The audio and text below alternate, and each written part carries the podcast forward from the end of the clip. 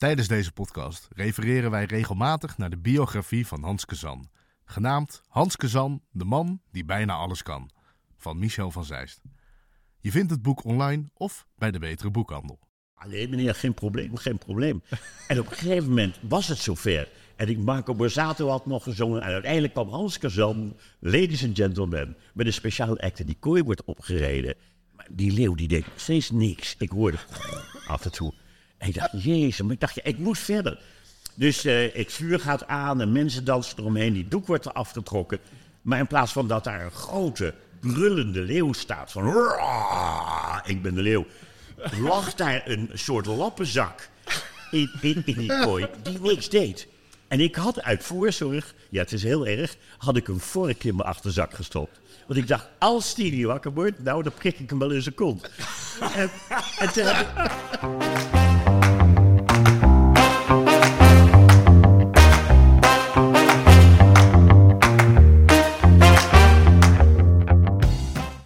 Hallo en welkom bij de Doodkonijn podcast. Mijn naam is Tim Horsting en samen met mijn collega goochelaar Jan Zijn interviewen wij onze magische vakbroeders over de meest rampzalige optredens en ervaringen uit hun carrière. De momenten waarin zij soms letterlijk en figuurlijk een dood konijn uit de hoed trokken en ontgoocheld achterbleven. Welkom bij Doodkonijn. Tim, heb jij wel eens meegemaakt dat je moest optreden voor een publiek hè, eh, waarvan de mensen eigenlijk helemaal niet in staat waren om jouw optreden te waarderen of, eh, of überhaupt mee te maken? Ja, ik heb wel een paar keer meegemaakt dat mensen eh, gewoon veel te kachel waren. Gewoon dronken mensen. Gewoon, ja. gewoon dronken op festivals, in studentenverenigingen. Ik heb ook een tijdje geleden meegemaakt. Wij hebben eh, in het Zalmhuis, waar ik werk, hebben we een aantal, aantal zalen. We hebben, we hebben de Garden Room, we hebben het Grand Café, dat is eigenlijk het restaurant. We hebben boven hebben we een grote zaal. En we hebben een private room voor eh, kleinere gezelschappen. En heel af en toe wordt er wel eens gevraagd van... Goh, zou je, zou je even naar de private room willen gaan, even een act willen doen? Nou, dat, doen we dan. Dus een tijdje geleden wordt gevraagd: Hey Tim, kun jij even eh, bij de private room kun je even een kwartiertje wat doen? Dus ik klop aan, deur wordt open gedaan. Eh, door, door iemand van het Zalmhuis. Er blijft altijd één iemand bij de bar staan. En ik kom aan tafel. Grote lange tafel, man of 20, 30. Nou, goedenavond, mijn naam is Tim. Ik ben de goochelaar van het Zalmhuis. We hebben ze gevraagd om de gasten te vermaken. Jullie zijn vanavond de gast. Zou, wat laten zien? En ik doe mijn act. En eh, het is wel oké, maar de reactie is toch een beetje, eh, ja, Beetje maat. een beetje matig.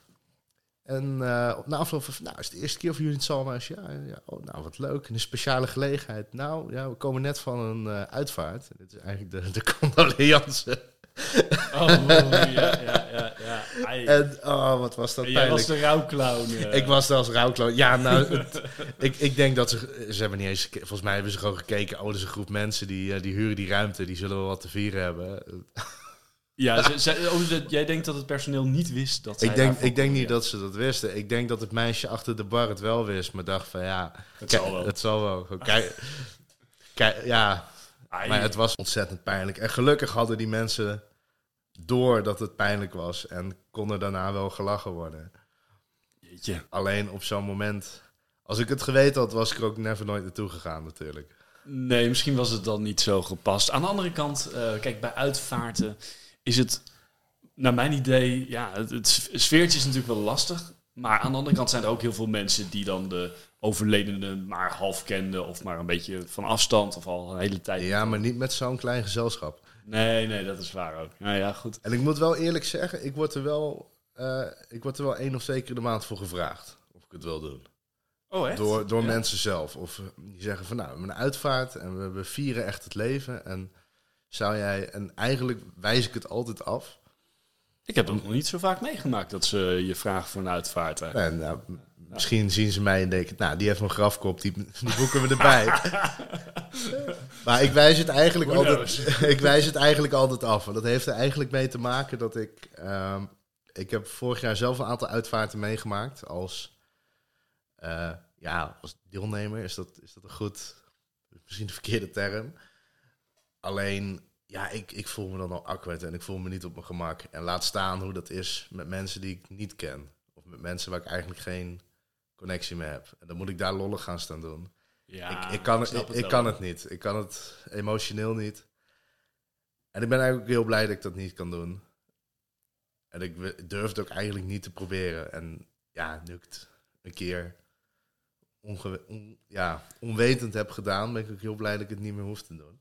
Ja, ja, ja, ja. ja. ja een eh, onverwachte, onverwachte wending dan. Onverwachte wending, plot twist. Maar ik heb ook wel eens dat, me- dat heel leuk is, zo'n private room. Dat hoeft niet altijd ellende te zijn. Jouw zo beurt. Ja, ja, ja.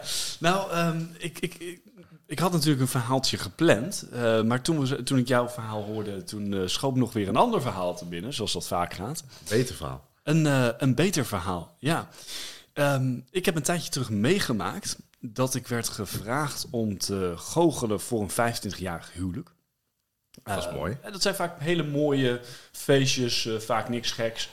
Ehm, en deze, ehm, ja, dit koppel, die had bedacht van tevoren dat ze, ehm, ja, dat ze alles leuk vonden die avond, behalve stukjes van de. Ehm, eh, stukjes van, de, ja, van hun gasten, zeg maar. Dat heb je heel vaak. Hè. Dan heb je 25-jarig huwelijk. En dan heb je een paar mensen die gaan een ABC'tje doen. De A is voor aardig, de B is voor bijzonder. Hè, van die suffe stukjes. Of dan gaan- of dan gaan ze een speech houden, gadverdamme. Hè? Dan zeggen ze, eh, ja, ja, ik ken Bertus al sinds de basisschool en hij is heel leuk opgedroogd. En dan krijg je dat en het duurt allemaal veel te lang en de hele zaal wordt gehijacked. Dus dit stel had bedacht, dit, is, dit willen we niet. Hè, dus eh, geen, geen quizzen, geen stukjes, niks. Eh, en die hebben dus vier acts geboekt, hè, professionele artiesten, om die avond op te treden. Daar was ik er één van. Eh, ze hadden een waarzegger, ze hadden een sneltekenaar en uit mijn hoofd ja, een, een, een dame die een typetje deed. Die deed een soort van gekke barvrouw na. ja, allemaal, allemaal beroepsartiesten, allemaal heel erg Gewoon leuk leuke acts. leuke acts. Ze hebben echt heel veel geld in gestoken om dat eh, op die manier die avond eh luister bij te zetten. Ehm, hè, dus, eh, dus ja, ik, ik was er ook bij. Ik was begonnen met goochelen, was hartstikke leuk. En toen stond er één gezin op. En die zei, jullie moeten allemaal nu je smartphone erbij pakken. Want we gaan een pubquiz doen over het stel. En ik zag dat koppel, zag ik die gezichten verstrakten onmiddellijk. En die dachten, nee toch, wat zullen we nou krijgen? Beamer erbij. En eh, ja, dat heeft een half uur geduurd. En hè, in die periode... maar dat, dat, dat is gewoon een kwartier, twintig minuten te lang. dat, dat, is, dat is een half uur te lang. Een half uur te lang. dat is gewoon. Nee, maar er stond daar dus voor, nou, voor bijna 3000 euro, denk ik, aan professioneel entertainment uit zijn neus te eten. En, en ja, die, eh, die barvrouw, die gekke barvrouw, die zei ook van ja, ik moet straks ook weer van tour. Ik heb weer nog een ander klusje straks. eh, hè, en, ja, Wat erg. Ja, en zo'n, ja je, kunt, je kunt niks doen. We stonden allemaal daar in het achterkamertje te wachten totdat, eh, totdat eh, oma Wil eh, de pubquiz had gewonnen. Want ja, die kent het stel toch het beste. Nou, en ik weet nog dat ik daar eh, op een gegeven moment uitcheckte. Hè. Ik had even me afgemeld bij dat koppeltje. En die, dat stel. En ik zei, nou, hè, vonden jullie het allemaal een beetje naar wens? Ze zei, ja, het goochelen was leuk. Maar we zijn echt, zeiden, we zijn echt over de zeik. We hadden het nog zo gezegd, geen stukjes, niks. En dan krijg je Geen toch nog, toch, nog, toch nog dit. Ja, ja, ja, die vonden dat echt niet leuk. Nee, dus eh, ja, je hebt soms situaties waarbij het eh, goochelen gewoon compleet niet eh, tot zijn recht komt. En eh, dat brengt mij ook bij de volgende gast. En dat is niet de minste. Dat is zeker niet de minste. Ja, absoluut. Eh, we waren alle twee een beetje starstruck toen hij eh, in de lobby eh, binnenkwam bij het eh Vigi Hotel en Theater in Zeist. Dat is ook waar we de podcast hebben opgenomen. Nu moeten we er wel bij zeggen, wegens gebrek aan, aan een degelijke ruimte, hebben we de, de podcast opgenomen in het café-restaurant van Theater Figi in Zeist. Waar ze op de achtergrond natuurlijk gewoon bezig waren met eh, koffie, eh, espresso stappen en bordjes wassen. Ja, en er was een hele grote kast met allemaal rammelende shit. En die moest per se op dat moment worden ingeruimd Ja. met kopjes en smutjes. Dus de geluidskwaliteit is iets minder. Maar de verhalen maken meer dan goed. Absoluut. Dit is eh, de Doodkonijn podcast met Hans Kazan. Stampertje. Oh, dat verhaal van Gerrit. Ja, ja. ja, maar dat was echt helemaal niet zo. Ging, het ging heel goed met dat konijn. Dat was echt Gerrit zijn fantasie die op hol is geslagen. Ik weet nog helemaal, dat was die, vierkante dobbelsteen met de konijntje eronder. En eh, we hadden keurig netjes ook een lucifertje er nog onder gelegd. Zodat de, de, dat de lucht binnenkwam. Voor, omdat bij tv altijd alles langer, langer duurt dan, dan normaal. Maar Stampertje heeft het echt heel goed overleefd hoor. Maar ik weet nou je de naam Stampertje zegt, weet ik, ah, dat was het konijn dat heeft Gerrit verzorgd. Ja, ja, ja. ja. Dus het, eh, eigenlijk is het heel goed gegaan met konijnen. Dacht je, ja. Ja, ja, ja, ja. Nee, dat was, eh, dat was niet echt een dramatisch iets. Wat echt wel dramatisch was, was dat ik toen die grote glazen ontsnappingskist had en daar thuis ingekropen ben en die kist viel dicht. Oh ja, dat en was ik ik kwam ook. er dus eh, niet uit. Jezus. Je dacht, ik, ik heb een ontsluitingsact, die moet ik even oefenen. Nou, het was een act die zou ik doen in een van de televisieshows. En dat was een hele grote glazen kist. Eh, en die was gevuld met water. Er ging dan gebroeid in, deksels dicht, dubbele pub, doek eromheen. En 1, 2, 3, eh, doek omhoog, weg Kazan. En ik kwam ook uiteindelijk achter de zaal. kwam de auto van Henny Huisman, zijn eigen auto, aanrijden. En dan kwam ik uit die kofferbak. Maar een dag voor de opname stond die kist bij mij thuis in de schuur. En ik had gewoon mijn kleding aan en ik liep door die schuur. En ik dacht, nou, toch nog eens even in die kist gaan liggen om te voelen hoe het is. Er zat geen water in, maar gewoon. Dus ik, ging, ik, ik kroelde me op in die kist en ik stoot met mijn rug ergens tegenaan. En die deksel, bam, die valt dicht. En je denkt, er zit geen water in, dus er kan er niks gebeuren. in. Nee, er kan niks gebeuren. En dan vallen er twee van die klampen over een, over een haakje heen. En die, die deksel zat dus op slot. En ik was nergens op voorbereid, dus ik kon er niet uitkomen. ik dacht, jezus, hoe ga ik hier nou uitkomen? En dan zie je dus door het glas zie je overal gereedschap liggen, en, maar je kan er niet bij. Dus dat is, dat is echt een kwilling is dat. En, maar dat duurt dus een kwartier, dat duurt twintig minuten, dat duurt een, een, een drie kwartier. En toen begon die kist van binnen helemaal te bestaan. Want ja, door de, de, er was maar heel weinig zuurstof. Het was wel een, zeg maar, een luchtdichte, luchtdichte Een luchtdichte kist, eh. kist, ja. ja. Als die waterdicht moet zijn, moet die ook luchtdicht zijn. Ja. Ja. dat moet helemaal afgekeerd, die- dat ding. Nou, ja, uiteindelijk, ik hoor mijn vrouw nog langs rijden met de auto. Die reed langs, het- langs de schuur naar het huis. En ik nog roepen, Wendy, Wendy. Maar ja, die hoorde natuurlijk niks. Reed gewoon had geen idee waar, Ja. ik, waar ik was. En uiteindelijk, hoe ik eruit ben gekomen, is echt een wonder. Ik had gewoon mijn jek aan en mijn portemonnee erin. En die pakte ik. En het enige wat een beetje stevig was, wat erin zat, was eh, een creditkaart. En toen ben ik op mijn knieën en mijn handen gaan zitten met mijn rug tegen het deksel geduwd. En dan kwam er een millimetertje tussen de deksel en de kist. Daar heb ik toen die creditcard doorheen geburnd. En die is tegen die klamp gegaan die over die pin was gevallen. En toen heb ik die weggeduwd. En toen heb ik dat bij een tweede ook zo gedaan. En zo ben ik na een uur eigenlijk ontsnapt. Je bent gewoon echt ontsnapt. Ja, en toen kwam ik dus thuis. Ik liep dus naar, naar, naar huis toe en, naar- en toen zei Benny, wat ben jij bleek? Ik zeg, ja, ik heb een uur lang in die kist gezeten. En ik was bijna als een soort door een roosje in een glazen kist eh, eh, dood geweest. Het was wel een spannend verhaal, maar niet echt de bedoeling. Ja, want, want even voor de goede orde. Wij hebben het eh, boekje van eh, Michel van Zeist even gelezen en er even bijgepakt. Heel leuk boek trouwens. Maar je bent best wel vaak aan de dood ontsnapt, las ik. als Ja. ik even mag samenvatten. Eén keertje bijna verdronken voor de kust van Spanje. Dat was geen Tenerife, trouwens. Ja, dat weet ik nog. Ja, één keer door de bliksem getroffen in een auto bij Reken. Ja, en dat is echt gebeurd, dat kun je toch niet voorstellen?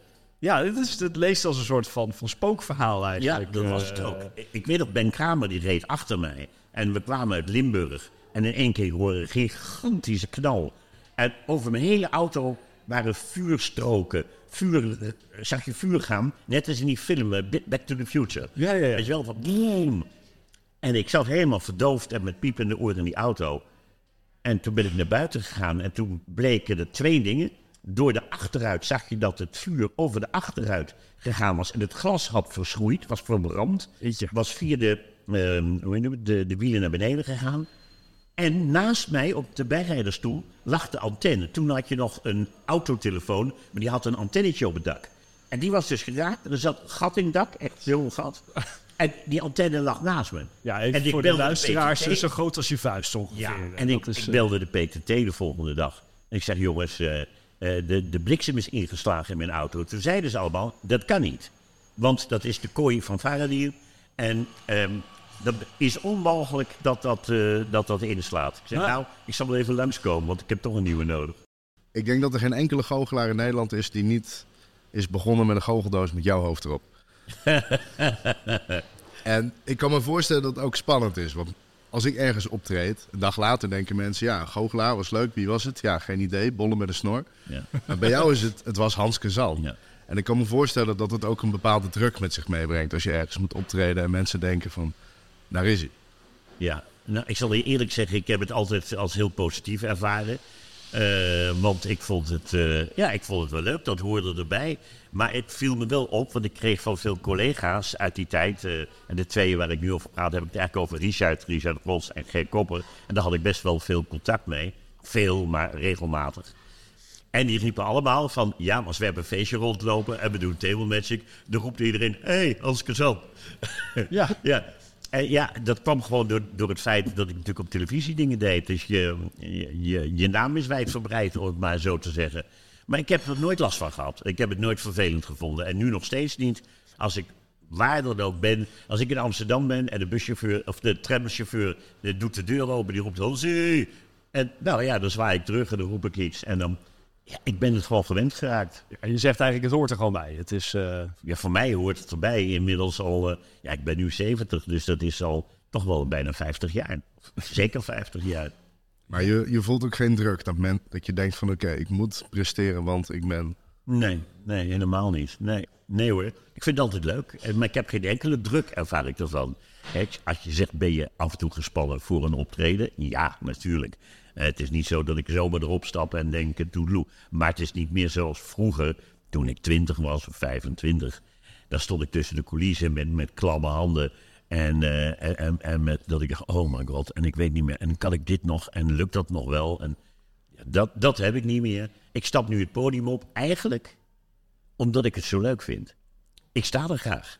En, want het is het enige moment van de dag als ik op het podium sta, is dat het enige moment dat alles gaat zoals ik het wil.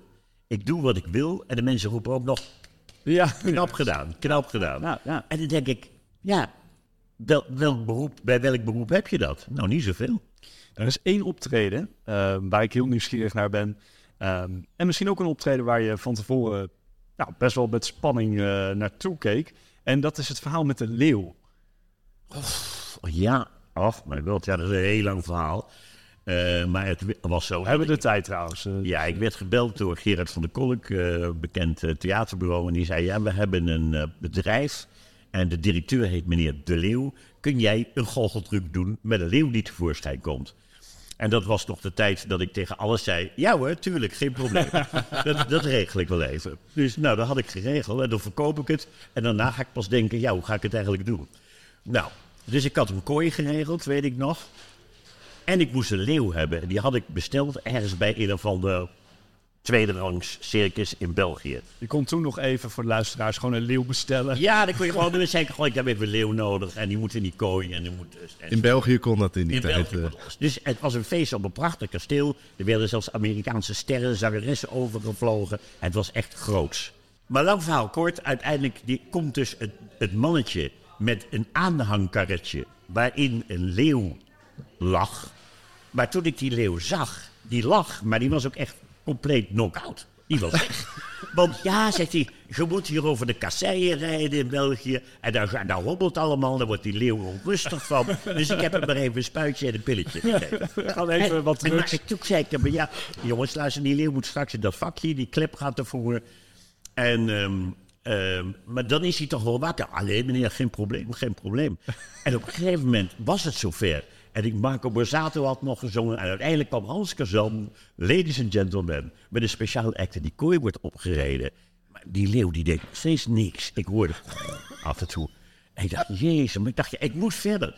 Dus eh, het vuur gaat aan en mensen dansen eromheen. Die doek wordt er afgetrokken. Maar in plaats van dat daar een grote, brullende leeuw staat van... "Roar, Ik ben de leeuw. Lag daar een soort lappenzak in, in, in die kooi die niks deed. En ik had uit voorzorg, ja het is heel erg, had ik een vork in mijn achterzak gestopt. Want ik dacht, als die niet wakker wordt, nou dan prik ik hem wel in zijn kont. en, en, toen heb ik, en toen heb ik echt die vork genomen en ik steek hem echt zo achter in zijn bil. En het enige wat die leeuw deed, die deed één oog, echt één oog open. En die deed alleen maar...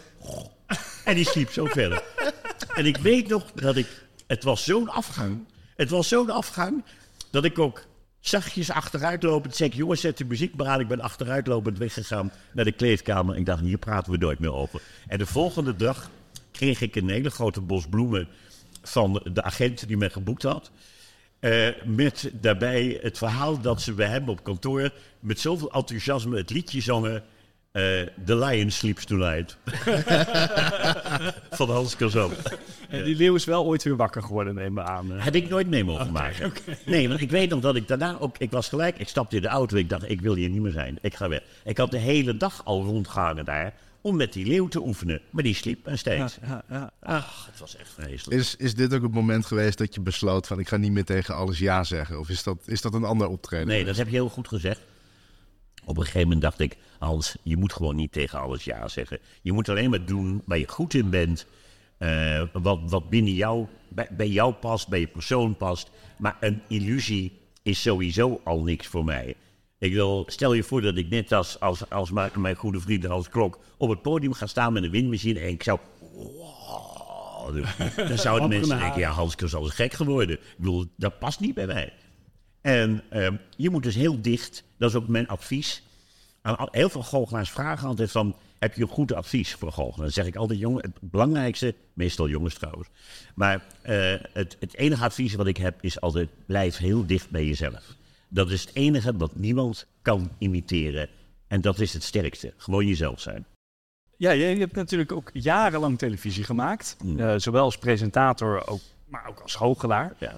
Ehm, nou is televisie maken natuurlijk iets anders dan in een theater op een podium staan. En je hebt natuurlijk het grote voordeel dat je kunt editen achteraf. Je kunt natuurlijk, eh, als het truc helemaal fout gaat, eh, dat nog een keertje doen. Eh, zijn er in dat kader wel eens dingen gebeurd die wij nooit hebben teruggezien op de buis, maar die op dat moment wel lastig waren? Ik kan me eerlijk gezegd niet herinneren. Maar dat komt, eh, er zal zonder twijfel wel eens iets gebeurd zijn. Maar op de eerste plaats deed ik mijn huiswerk altijd heel goed. Dus ik bereidde heel goed voor.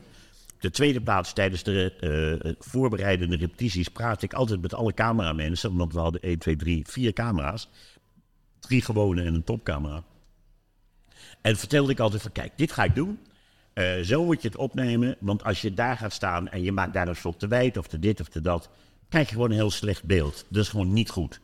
En dan oefenen we het ook met de camera's. En als dan het publiek kwam en de bekende Nederlander die aan de bar zat, zat erbij. Ja, dan liep het eigenlijk praktisch zonder stoppen. Maakten wij een programma van drie kwartier in drie kwartier. Waanzinnig, ja. ja, Ja. ja. Er is één segment eh, dat ik mij eh, beter herinner van dat programma dan eh, alle andere fragmenten. We hebben het trouwens over ja, de periode bij de Trolls, Hans Kazan en Magic Unlimited. En er was een aflevering dat opeens André van Duin uit het kastje kwam. Ja, Ehm, nou heb ik gelezen dat dat nou toevallig een segment was waar wel iets eh, niet helemaal volgens plan verliep. Ja, ja, maar dat hebben we wel opgelost op dat moment. Het was inderdaad, ik deed met André een eh, komische truc met de twee flessen die van plaats verwisselen, het doekje eromheen, van links naar rechts, et cetera. En André is ook best goed in, in voorbereiden. En wat was er nou gebeurd? We, we zijn de act ingegaan, de opnames lopen, het publiek staat in de zaal, we beginnen en het is gelijk heel leuk. Het was gelijk, het klikte allemaal. Is super En. Het staat er op YouTube Ja, trouwens. ja, precies. En toen moest ik dat gele doekje, weet ik nog, pakken uit mijn zak. eh, om aan hem te geven om, om die fles te knopen. En verdikke me was ik dat gele doekje vergeten.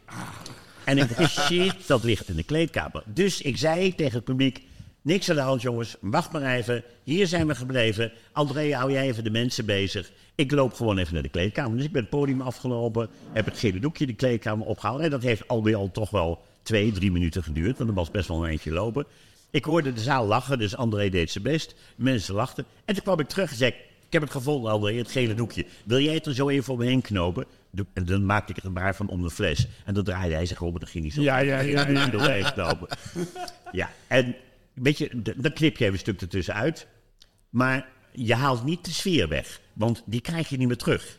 Als het eenmaal leuk is en het gaat goed, dan moet je nooit die sfeer onderbreken. Dus dan moet je niet zeggen, jongens, we stoppen nu de opnames en Hans gaat en André gaat even zijn armen over elkaar staan. Nee, het moet doorlopen, want het publiek moet in de schwung blijven, in de, ja, hoe zeg je dat goed? Die moet, die moet, die moet in die houden. blijven. Ja, maar laat dat maar aan André over. eh. Ja, dat, daar is hij geniaal in.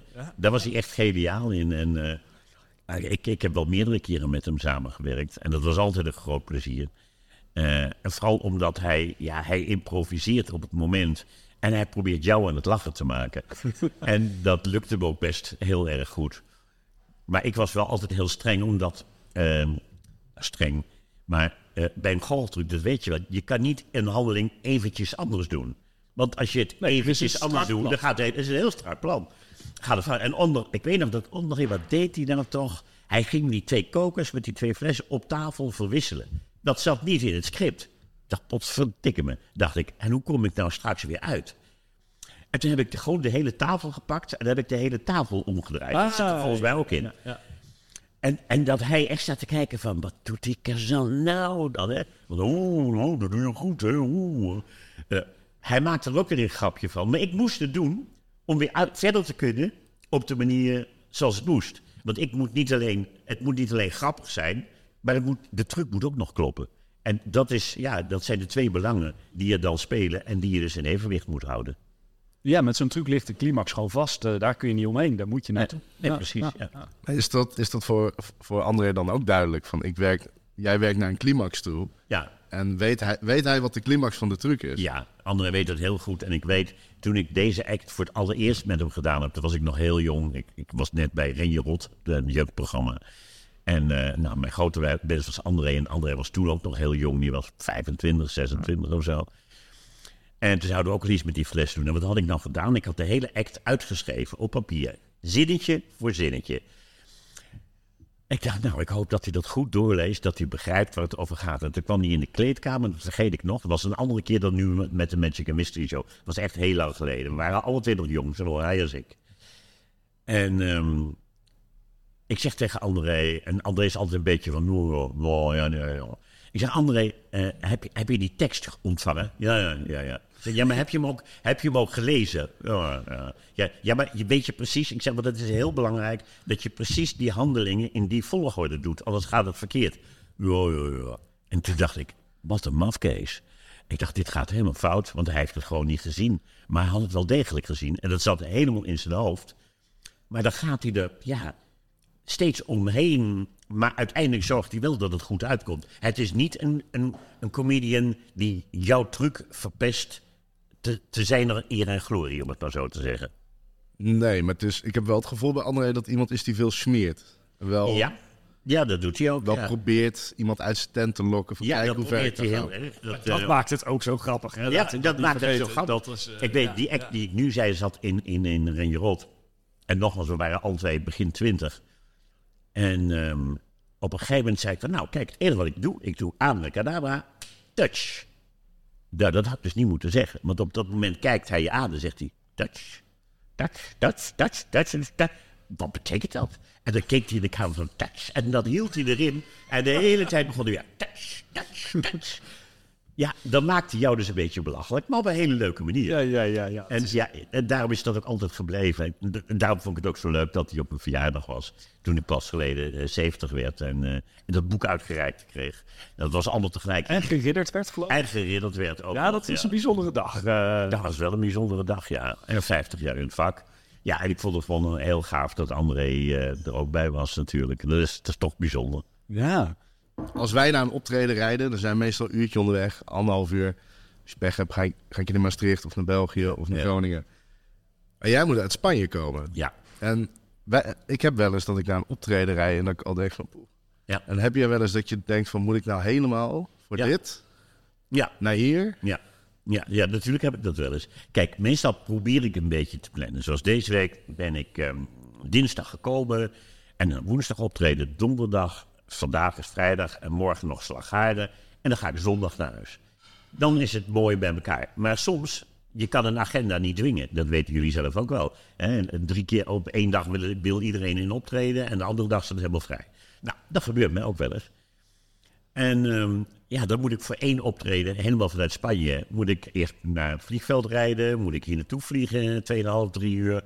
Moet ik een auto huren, moet ik naar het hotel, moet ik zus zo, moet ik het optreden doen de volgende dag.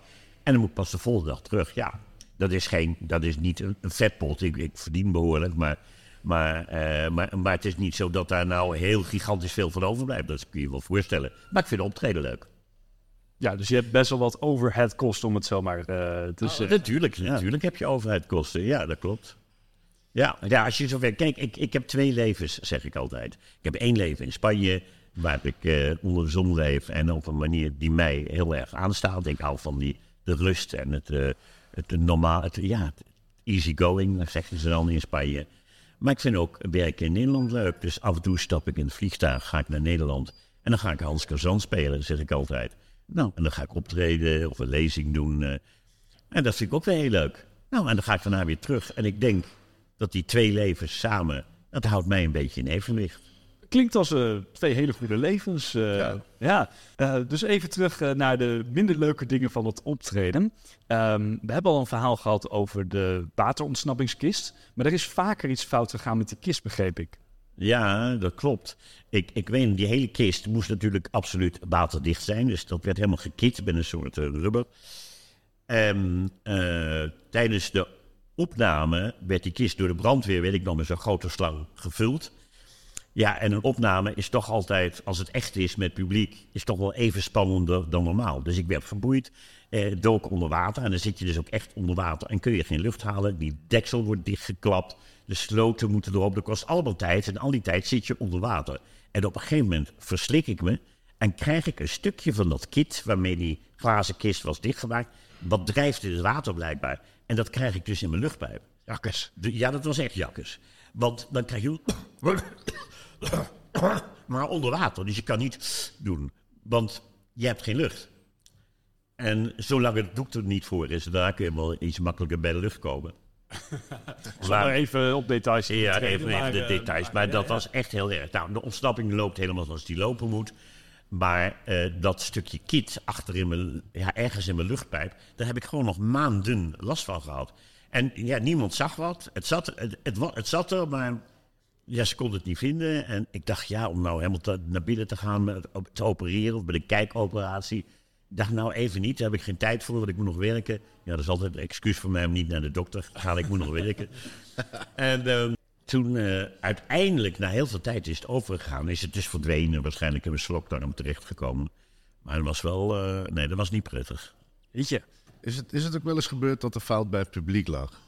Dat het publiek zich tegen je keerde? Of dat, dat, je een assistent had die eh, iets niet goed begreep. Of, eh, Nee, nee, niet dat ik weet. Het is niet wat mij zo te binnen schiet, eerlijk gezegd. Ik kan me niet herinneren dat er iets zo fout gegaan is dat het publiek de schuld was. En, Ah, het publiek kan sowieso niet ergens de schuld van zijn. Ja, kijk, je kan natuurlijk eh, s s'nachts om half twee voor een stel dronken studenten komen die in Groningen op een tafel staan te dansen. En dan roepen ze zo ga eens leuk optreden. Ja, ja, en dan denk ik ook, jongens, doe, maar ik ga weer. En eh, ja, ja, maar. Ik zei, nee joh, je hoeft niet te betalen, doei. En dan ben ik weg. En dan, Maar is, is dat wel eens gebeurd dat je bij, bij een plek komt en dat je naar binnen kijkt en denkt, nou, Ja. dit, dit wordt hem niet? Ja, ja dat, is, dat is echt wel eens niet vaak hoor. Maar het was eigenlijk het voorbeeld wat ik je net gaf. Het was inderdaad in Groningen. En het was inderdaad voor studenten. En het was inderdaad half twee.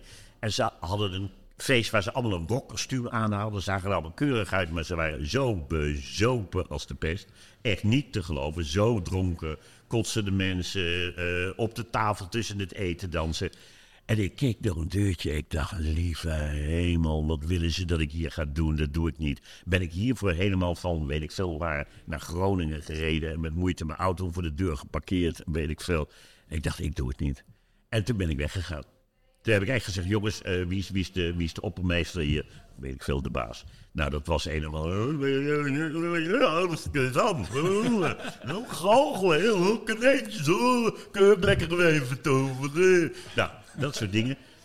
En toen zei ik, jongens, ik wens jullie hartstikke veel plezier. Maak er wat moois van. Maar ik denk dat mijn optreden niet helemaal op zijn plek Ja, is. het, is het is wel een terugkerend thema in de podcast. Ja, dat kun je wel zeggen. Studentenvereniging. En meestal is het ook ja, toch het verhaal dat, er- dat er dan iemand van de organisatie bijgehaald wordt. En dan wordt er een nog grotere zatlamp neergezet. Ja, ja, ja, precies. Ja, ja, ja. Nee, ik heb, ik heb, moet eerlijk zeggen, ik heb er wel een redelijk goed gevoel voor. En dan zeg ik altijd, sorry jongens, maar eh, je hoeft niks te betalen, alles goed. Maar ik ga weer weg en eh, maak er nog een gezellig feestje van. Maar zonder mij. Ik bedoel, eh, Heb, heb je ook wel eens gehad dat je niet weg kon? Dat je gewoon wist van, ik, ik moet dit optreden doen, want ik zit aan een verplichting. Of het is voor vrienden, of het is al nee. betaald. Of het Nee, ik voel me nooit eh, verplicht. Nee hoor, als dat betaald is, dan krijg je het terug. Ik bedoel, Nee, ik voel me nergens verplicht. En eh, ik, ik denk altijd serieus, maar ik bepaal waar ik ga staan. Ja, wat dat ik, betreft... ik, eh, ik bepaal. Ik wil eh, niet jullie. Ja, je kan zeggen als de klant betaalt, dus die bepaalt.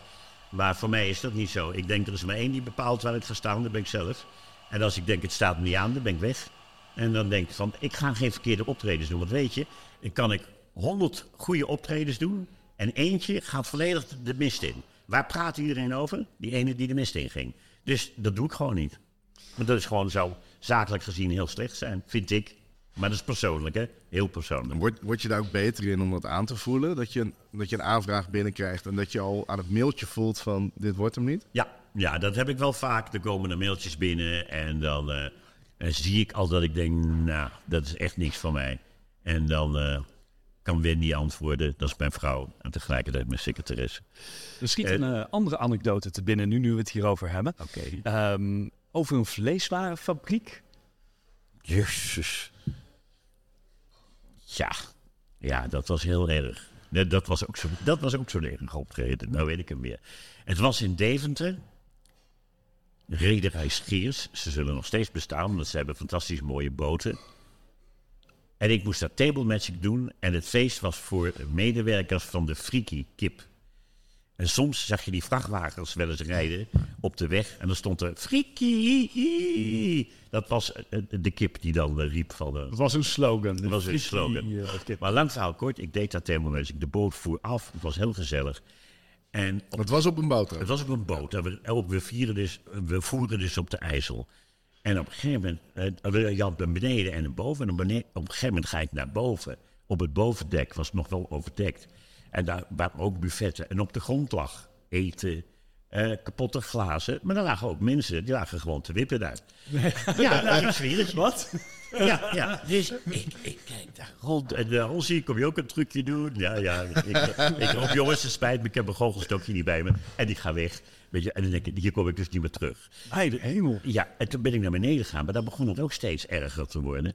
En dus op een gegeven moment dacht ik, nou, ik sluit mezelf op op het invalide toilet. Want je kan niet van de boot Je kan nergens heen. Je kan nergens heen, nee, precies. Dus ik had me opgesloten op het invalide toilet. Maar dat was met die toiletten waar die van onder ook open zijn. Dus op een gegeven moment hoor ik daarnaast be- beginnen, zijn ze ook alweer bezig. Ik dacht, grote god, waar hebben die mensen nog ergens anders interesse in dan wippen? Maar goed, ehm, Het was niet... eh, ja. ja, het is Whisky op, bij de gegeven, op een gegeven moment is het 12 uur, het is afgelopen. En ik, eh, ik loop door de deur, over de, wil ik over die plank naar, naar, naar, naar- de wal lopen. En er staat een medewerker van Frikien, die geeft zo'n grote piepschuime doos. En er zaten allemaal kippen in en, ding- en vlees. En ik kom thuis en Wendy zei, oh wat leuk, een leuk. kna-" Ik zeg, Wendy, deze ga je maar weggeven aan iemand anders. Maar ik heb gezien wie het ingepakt hebben. Dit, dit ga ik niet opeten. dit ga ik echt niet opeten.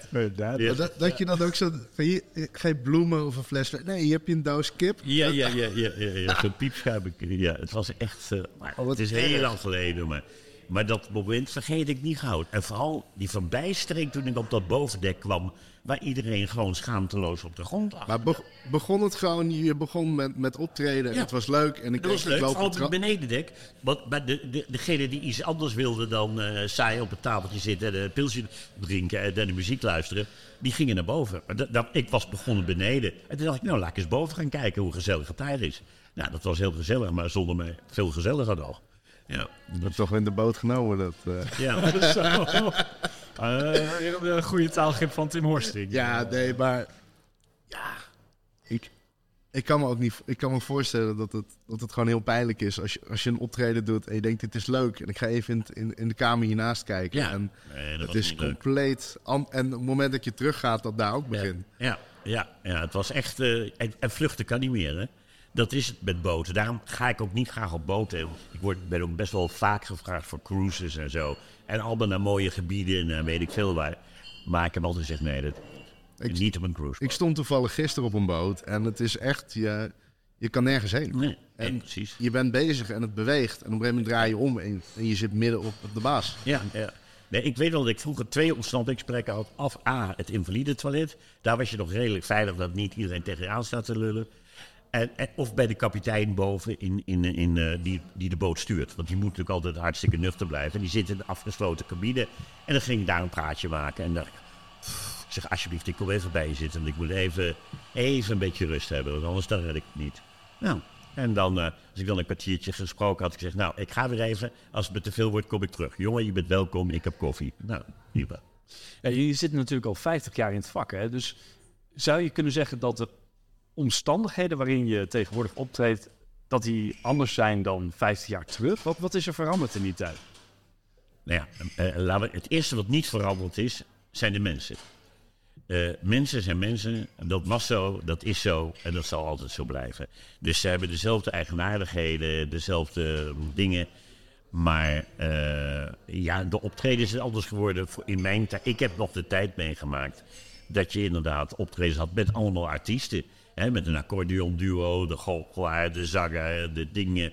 Ja, variété-shows. Variété-shows, maar ook met zangers erbij. Ja, ik weet nog, ja, er zijn er heel veel.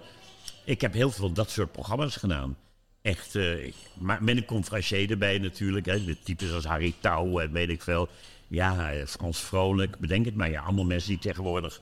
Niemand weet meer wie dat zijn. Maar dat was echt wel een wereldje, hoor. En jij, jij hebt ook ontzettend veel verschillende soorten goochelkunst gedaan. Beetje, een beetje mentalisme, close-up, Ja. illusie. eh, voor tv, eh, theater. Wat, wat, wat is eigenlijk de situatie waarin de meeste dingen fout kunnen gaan? De, de, de, de, de- vorm van goochelen waarin de meeste Wow. ruimte is voor dat, ellende. dat is weinig te zeggen. Dat is heel moeilijk te zeggen.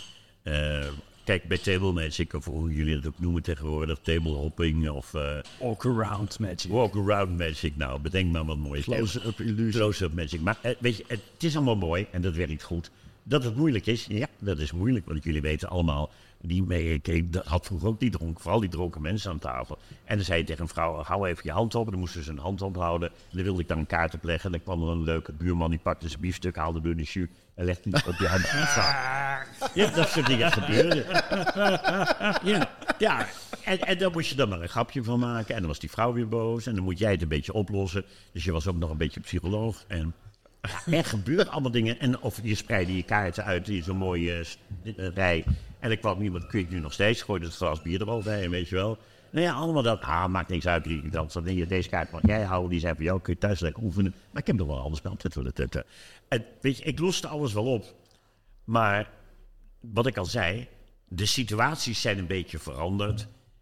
Maar de mensen zijn niet veranderd. De mensen zijn nog steeds hetzelfde. Je hebt aardige mensen en je hebt klojo's. Ehm, als we het over illusies hebben, is eh, op dat vlak wel eens wat fout gegaan. Eh, nou, je weet, ik ben geen goochelaar die illusies doet, eigenlijk. Dat hoort helemaal niet bij mijn persoon. Maar ik heb vroeger wel eens een show gedaan... waarin dan een ex zat met die stoel. Volgens mij was dat de Yogano-stoel of zo. En dan kun je dan iemand opzetten... en dan druk je op een knopje en dan ging hij langzaam omhoog. En dan ging je door een schakelaartje heen... en dan zakte hij weer naar beneden. Een soort van zweefillusie. Een soort zweefillusie. En waren allemaal oudere mensen. En ik dacht, nou, ik moet altijd een, beetje lichte, magere vrouw hebben. eh, die, die op die stoel kan zitten, zodat het gewicht omhoog kan. Door de schakelaar gaat en die stoel weer naar beneden gaat. En ik zoek iemand uit. En die mevrouw die ik uitgezocht had, die leek een heel mager typeje. Maar toen ze door het gangpad liep, dacht ik... Ah, die is drie keer dikker dan ik gedacht had. Had ik verkeerd ingeschat. Dus die komt en ik dacht, oh jee. Nou, ze gaat zitten op die stoel. Ik zet de mevrouw ga lekker zitten. Ik breng u onder hypnose. En langzaam voelt u zich lichter worden. En u zweeft langzaam omhoog. Nou, en dan ging ze omhoog, hoog, hoog. Ze ging wel omhoog. Ze ging wel omhoog, maar het piepte een beetje.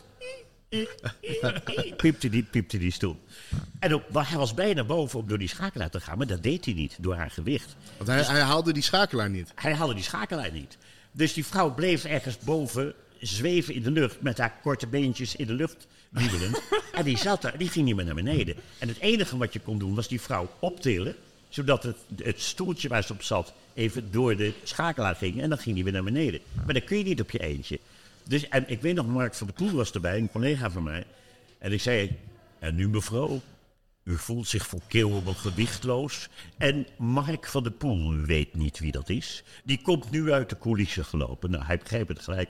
En wij pakken je alle twee vast onder je arm. Ik tel tot drie. En dan tillen wij Mark haar alle twee tegelijk iets omhoog. Eén, twee, drie. En we deden weer zo. En toen hoorde je tik, hoorde je toen.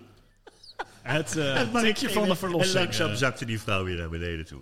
En toen, dat was ook een van die momenten dat ik dacht, ja, illusies, daar moet ik verder van blijven. Dat moet ik aan wat goede collega's overlaten. Maar eh moet vooral niet zelf doen, want dat is, eh, dat is niet Hans Kazan. Die erg van koffie houdt, dus in je hoofd, mentaal, lijkt het nu alsof je een koffiemachine hoort. Nou, als één ding duidelijk is, dat, eh, is dat je heel veel situaties gewoon door improvisatie eh, hebt gered, zo te horen. Heel veel momenten Ja. eh, gewoon doorheen gebluft. Hoe, hoe ga je daarmee om? Want als, als ik aan een tafel sta en, iemand, en ik spreid een spel kaart uit... en iemand gooit een glas bier overheen, dan, dan is die tafel klaar. Ja, Dan, dan ja, nou, ja nou, ik, ik ben altijd van... eh, eh, mensen hebben betaald, dus ze moeten zien. Ik moet werk leveren. Eh, dat zit bij mij er een beetje in. En eh, dus ik, ja, god, wat ik zei, dan pak ik al die natte kaarten bij elkaar, leg ik voor die man neer. En dan zeg ik, nou, alsjeblieft, ga lekker thuis oefenen, joh. Je moet ze wel eerst afdrogen, hè. En ik heb gelukkig hier nog een touwtje. Hier, kijk eens, en Robert, en een Erik ben iemand anders en ik ga gewoon door. Maar je blijft bij die tafel. Ja, ja, ja, ja, want die tafel kan er niks aan doen en die andere mensen aan tafel ook niet.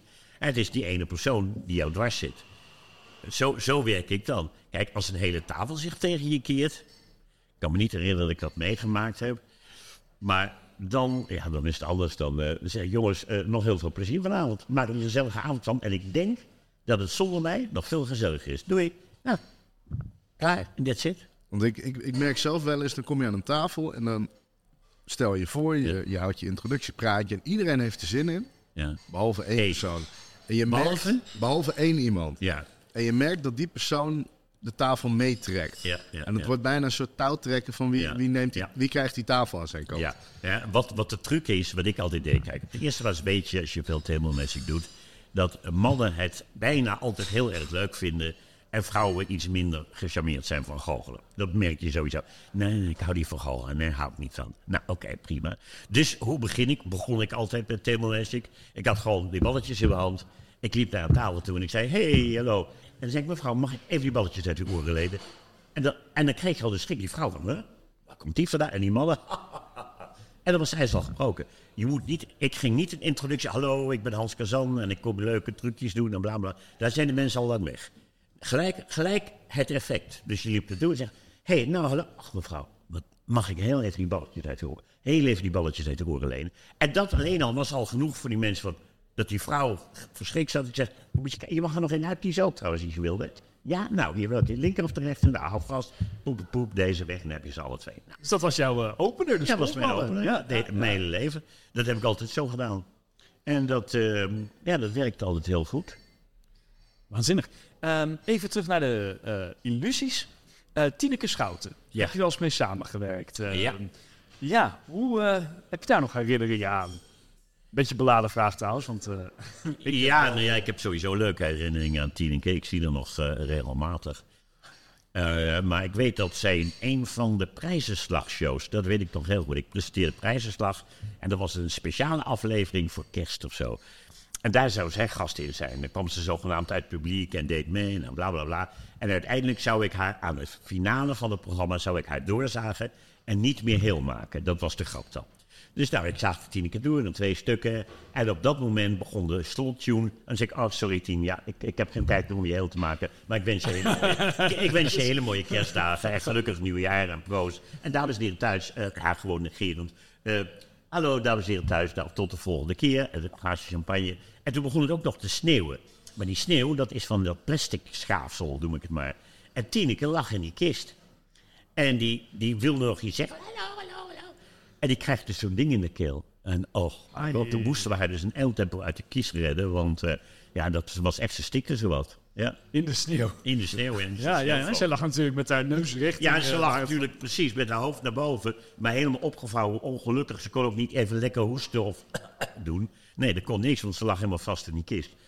Dus daar heb ik nog wel herinneringen aan. Ja. Je hoort best wel vaak dat trucks met doorzaagkisten, hè, dat daar wat fout mee gaat. Dat is ook Ja. zo'n klassiek cliché uit de Ja. goochelwereld. Ja. Eh, maar op deze manier heb ik hem inderdaad nog nooit eh, gehoord. eh, Ja, plastic ja. sneeuw, ja. Ja, ja, ja, er zijn er zoveel van dat soort dingen gebeurd. En ik heb natuurlijk ook met zoveel mensen gewerkt en, en met heel veel bekende mensen gewerkt.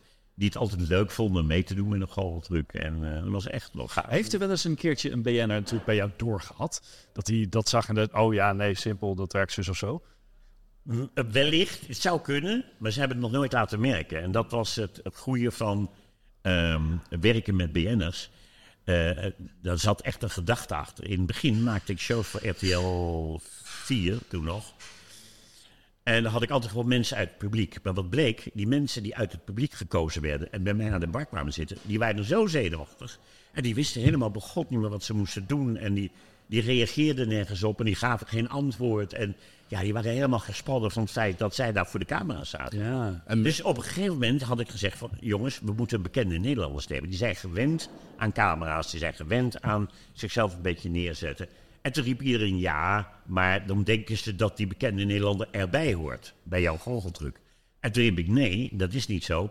Want je kan aan iemand zien, en dat voelt iedereen of het echt is of niet. Een bekende Nederlander kan nog zo hard nou, ik snap er echt helemaal niks van. Nee, ja, dat is natuurlijk. Weet je, en die, die zijn net iets normaal, die kunnen, zijn meer gewend aan die omstandigheden om voor de camera's te zitten. En daarna heb ik daarvoor gekozen altijd om dat zo te doen. Omdat het gewoon het beste werkt. De hele commerciële te- omroep heeft dat eh, sindsdien opgepakt. Als je nu een televisieprogramma kijkt, zitten Ja. alleen nog maar BN'ers Ja. als kandidaten van spelletjes. Ja, ja. En dat, dat doen ze bij, eh, bij al, die, al die Mindmasters en de nieuwe Uri Geller. Dus daar worden echt BN'ers opgekast. Ja. Met het idee van als je hem iets geks laat doen, Ja. dan, dan is dat tv. Ja. Ja, niet Patty Bruids. Kijk, het is, het is zo. Ik, uit goochel, ik, ga natuurlijk- ik werk veel liever met normale mensen uit het publiek. En op een podium is dat geen enkel probleem of aan tafel. Maar televisie is toch nog net even iets anders. Want daar komt die extra spanning bij van de camera's, van de mensen. Van stop, nee, nee, nog een keertje. Nou, nee, nog een keer. Nee, het licht moet even anders, nog een keertje.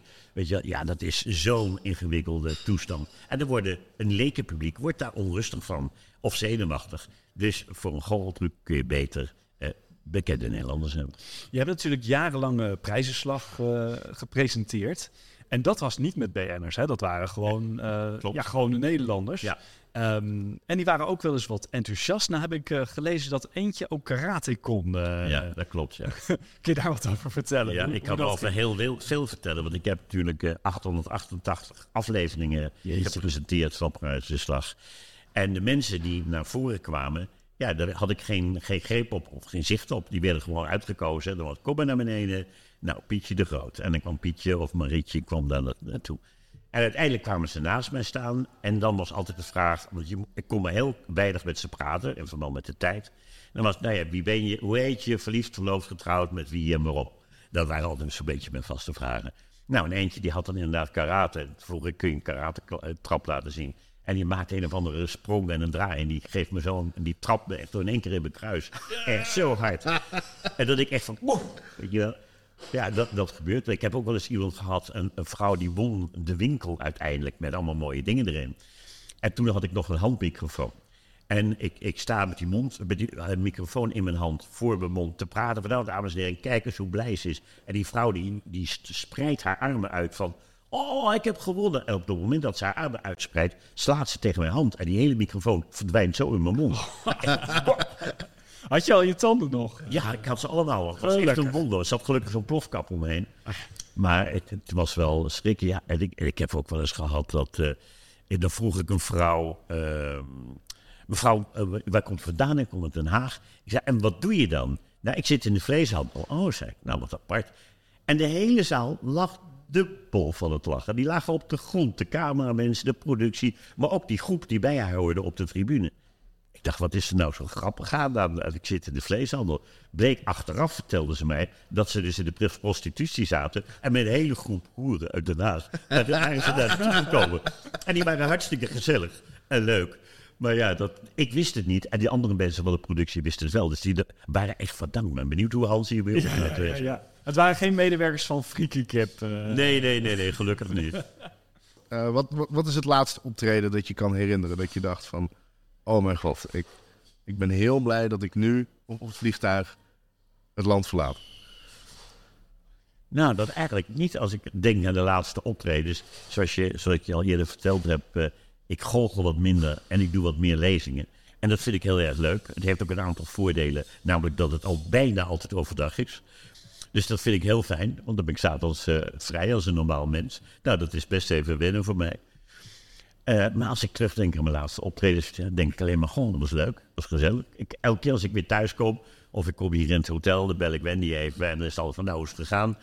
En dan eh zeg ik, nou, was weer een leuk optreden. Mensen waren blij, enthousiast, maar niet van die optredens van oeh, wat, wat erg. Nee, nee bent, het, eh, het spijt me, maar dit, al alle ellende heb ik toch inmiddels wel verteld. Je bent nu eh, gewoon en, aan en dat is over de afgelopen 50 jaar. Hè? Wat, eh, wat zou je als tip willen meegeven voor een goochelaar die, die net een slecht optreden heeft gehad, in de auto zit, dit aanzet. Morgen is een nieuwe dag. Dat is de tip. Morgen is een nieuwe dag. En, en dat is alles. Eh, Bij iedereen gaat wel eens wat fout. Bij de beste gaat wel eens wat fout. Dat is, dat is altijd zo. Dus je hoeft jezelf helemaal niks kwalijk te nemen. Zo is vaak de omstandigheden. En dat moet je accepteren. Dat is vaak heel moeilijk. Accepteren dat het zo gegaan is. Hartstikke jammer. Bij je blik weer richten op het volgende optreden. Denken, daar gaan we een feestje van maken. Super, dankjewel. Dankjewel. Dat was hem weer, de Doodkonijn podcast. Wij willen onze gast bedanken voor dit ontzettend leuke interview. En in de beschrijving van deze aflevering kun je meer informatie vinden. Wil jij zelf leren goochelen? Ga dan naar www.nmumagic.nl voor goochelnieuws, goochelclubs en magische events bij jou in de buurt. Heb je tips, opmerkingen of ideeën? Laat het ons weten via doodkonijnpodcast.gmail.com Abonneer je, dan weet je zeker dat je niks hoeft te missen. Wij willen jou bedanken voor het luisteren en tot de volgende Dood Konijn.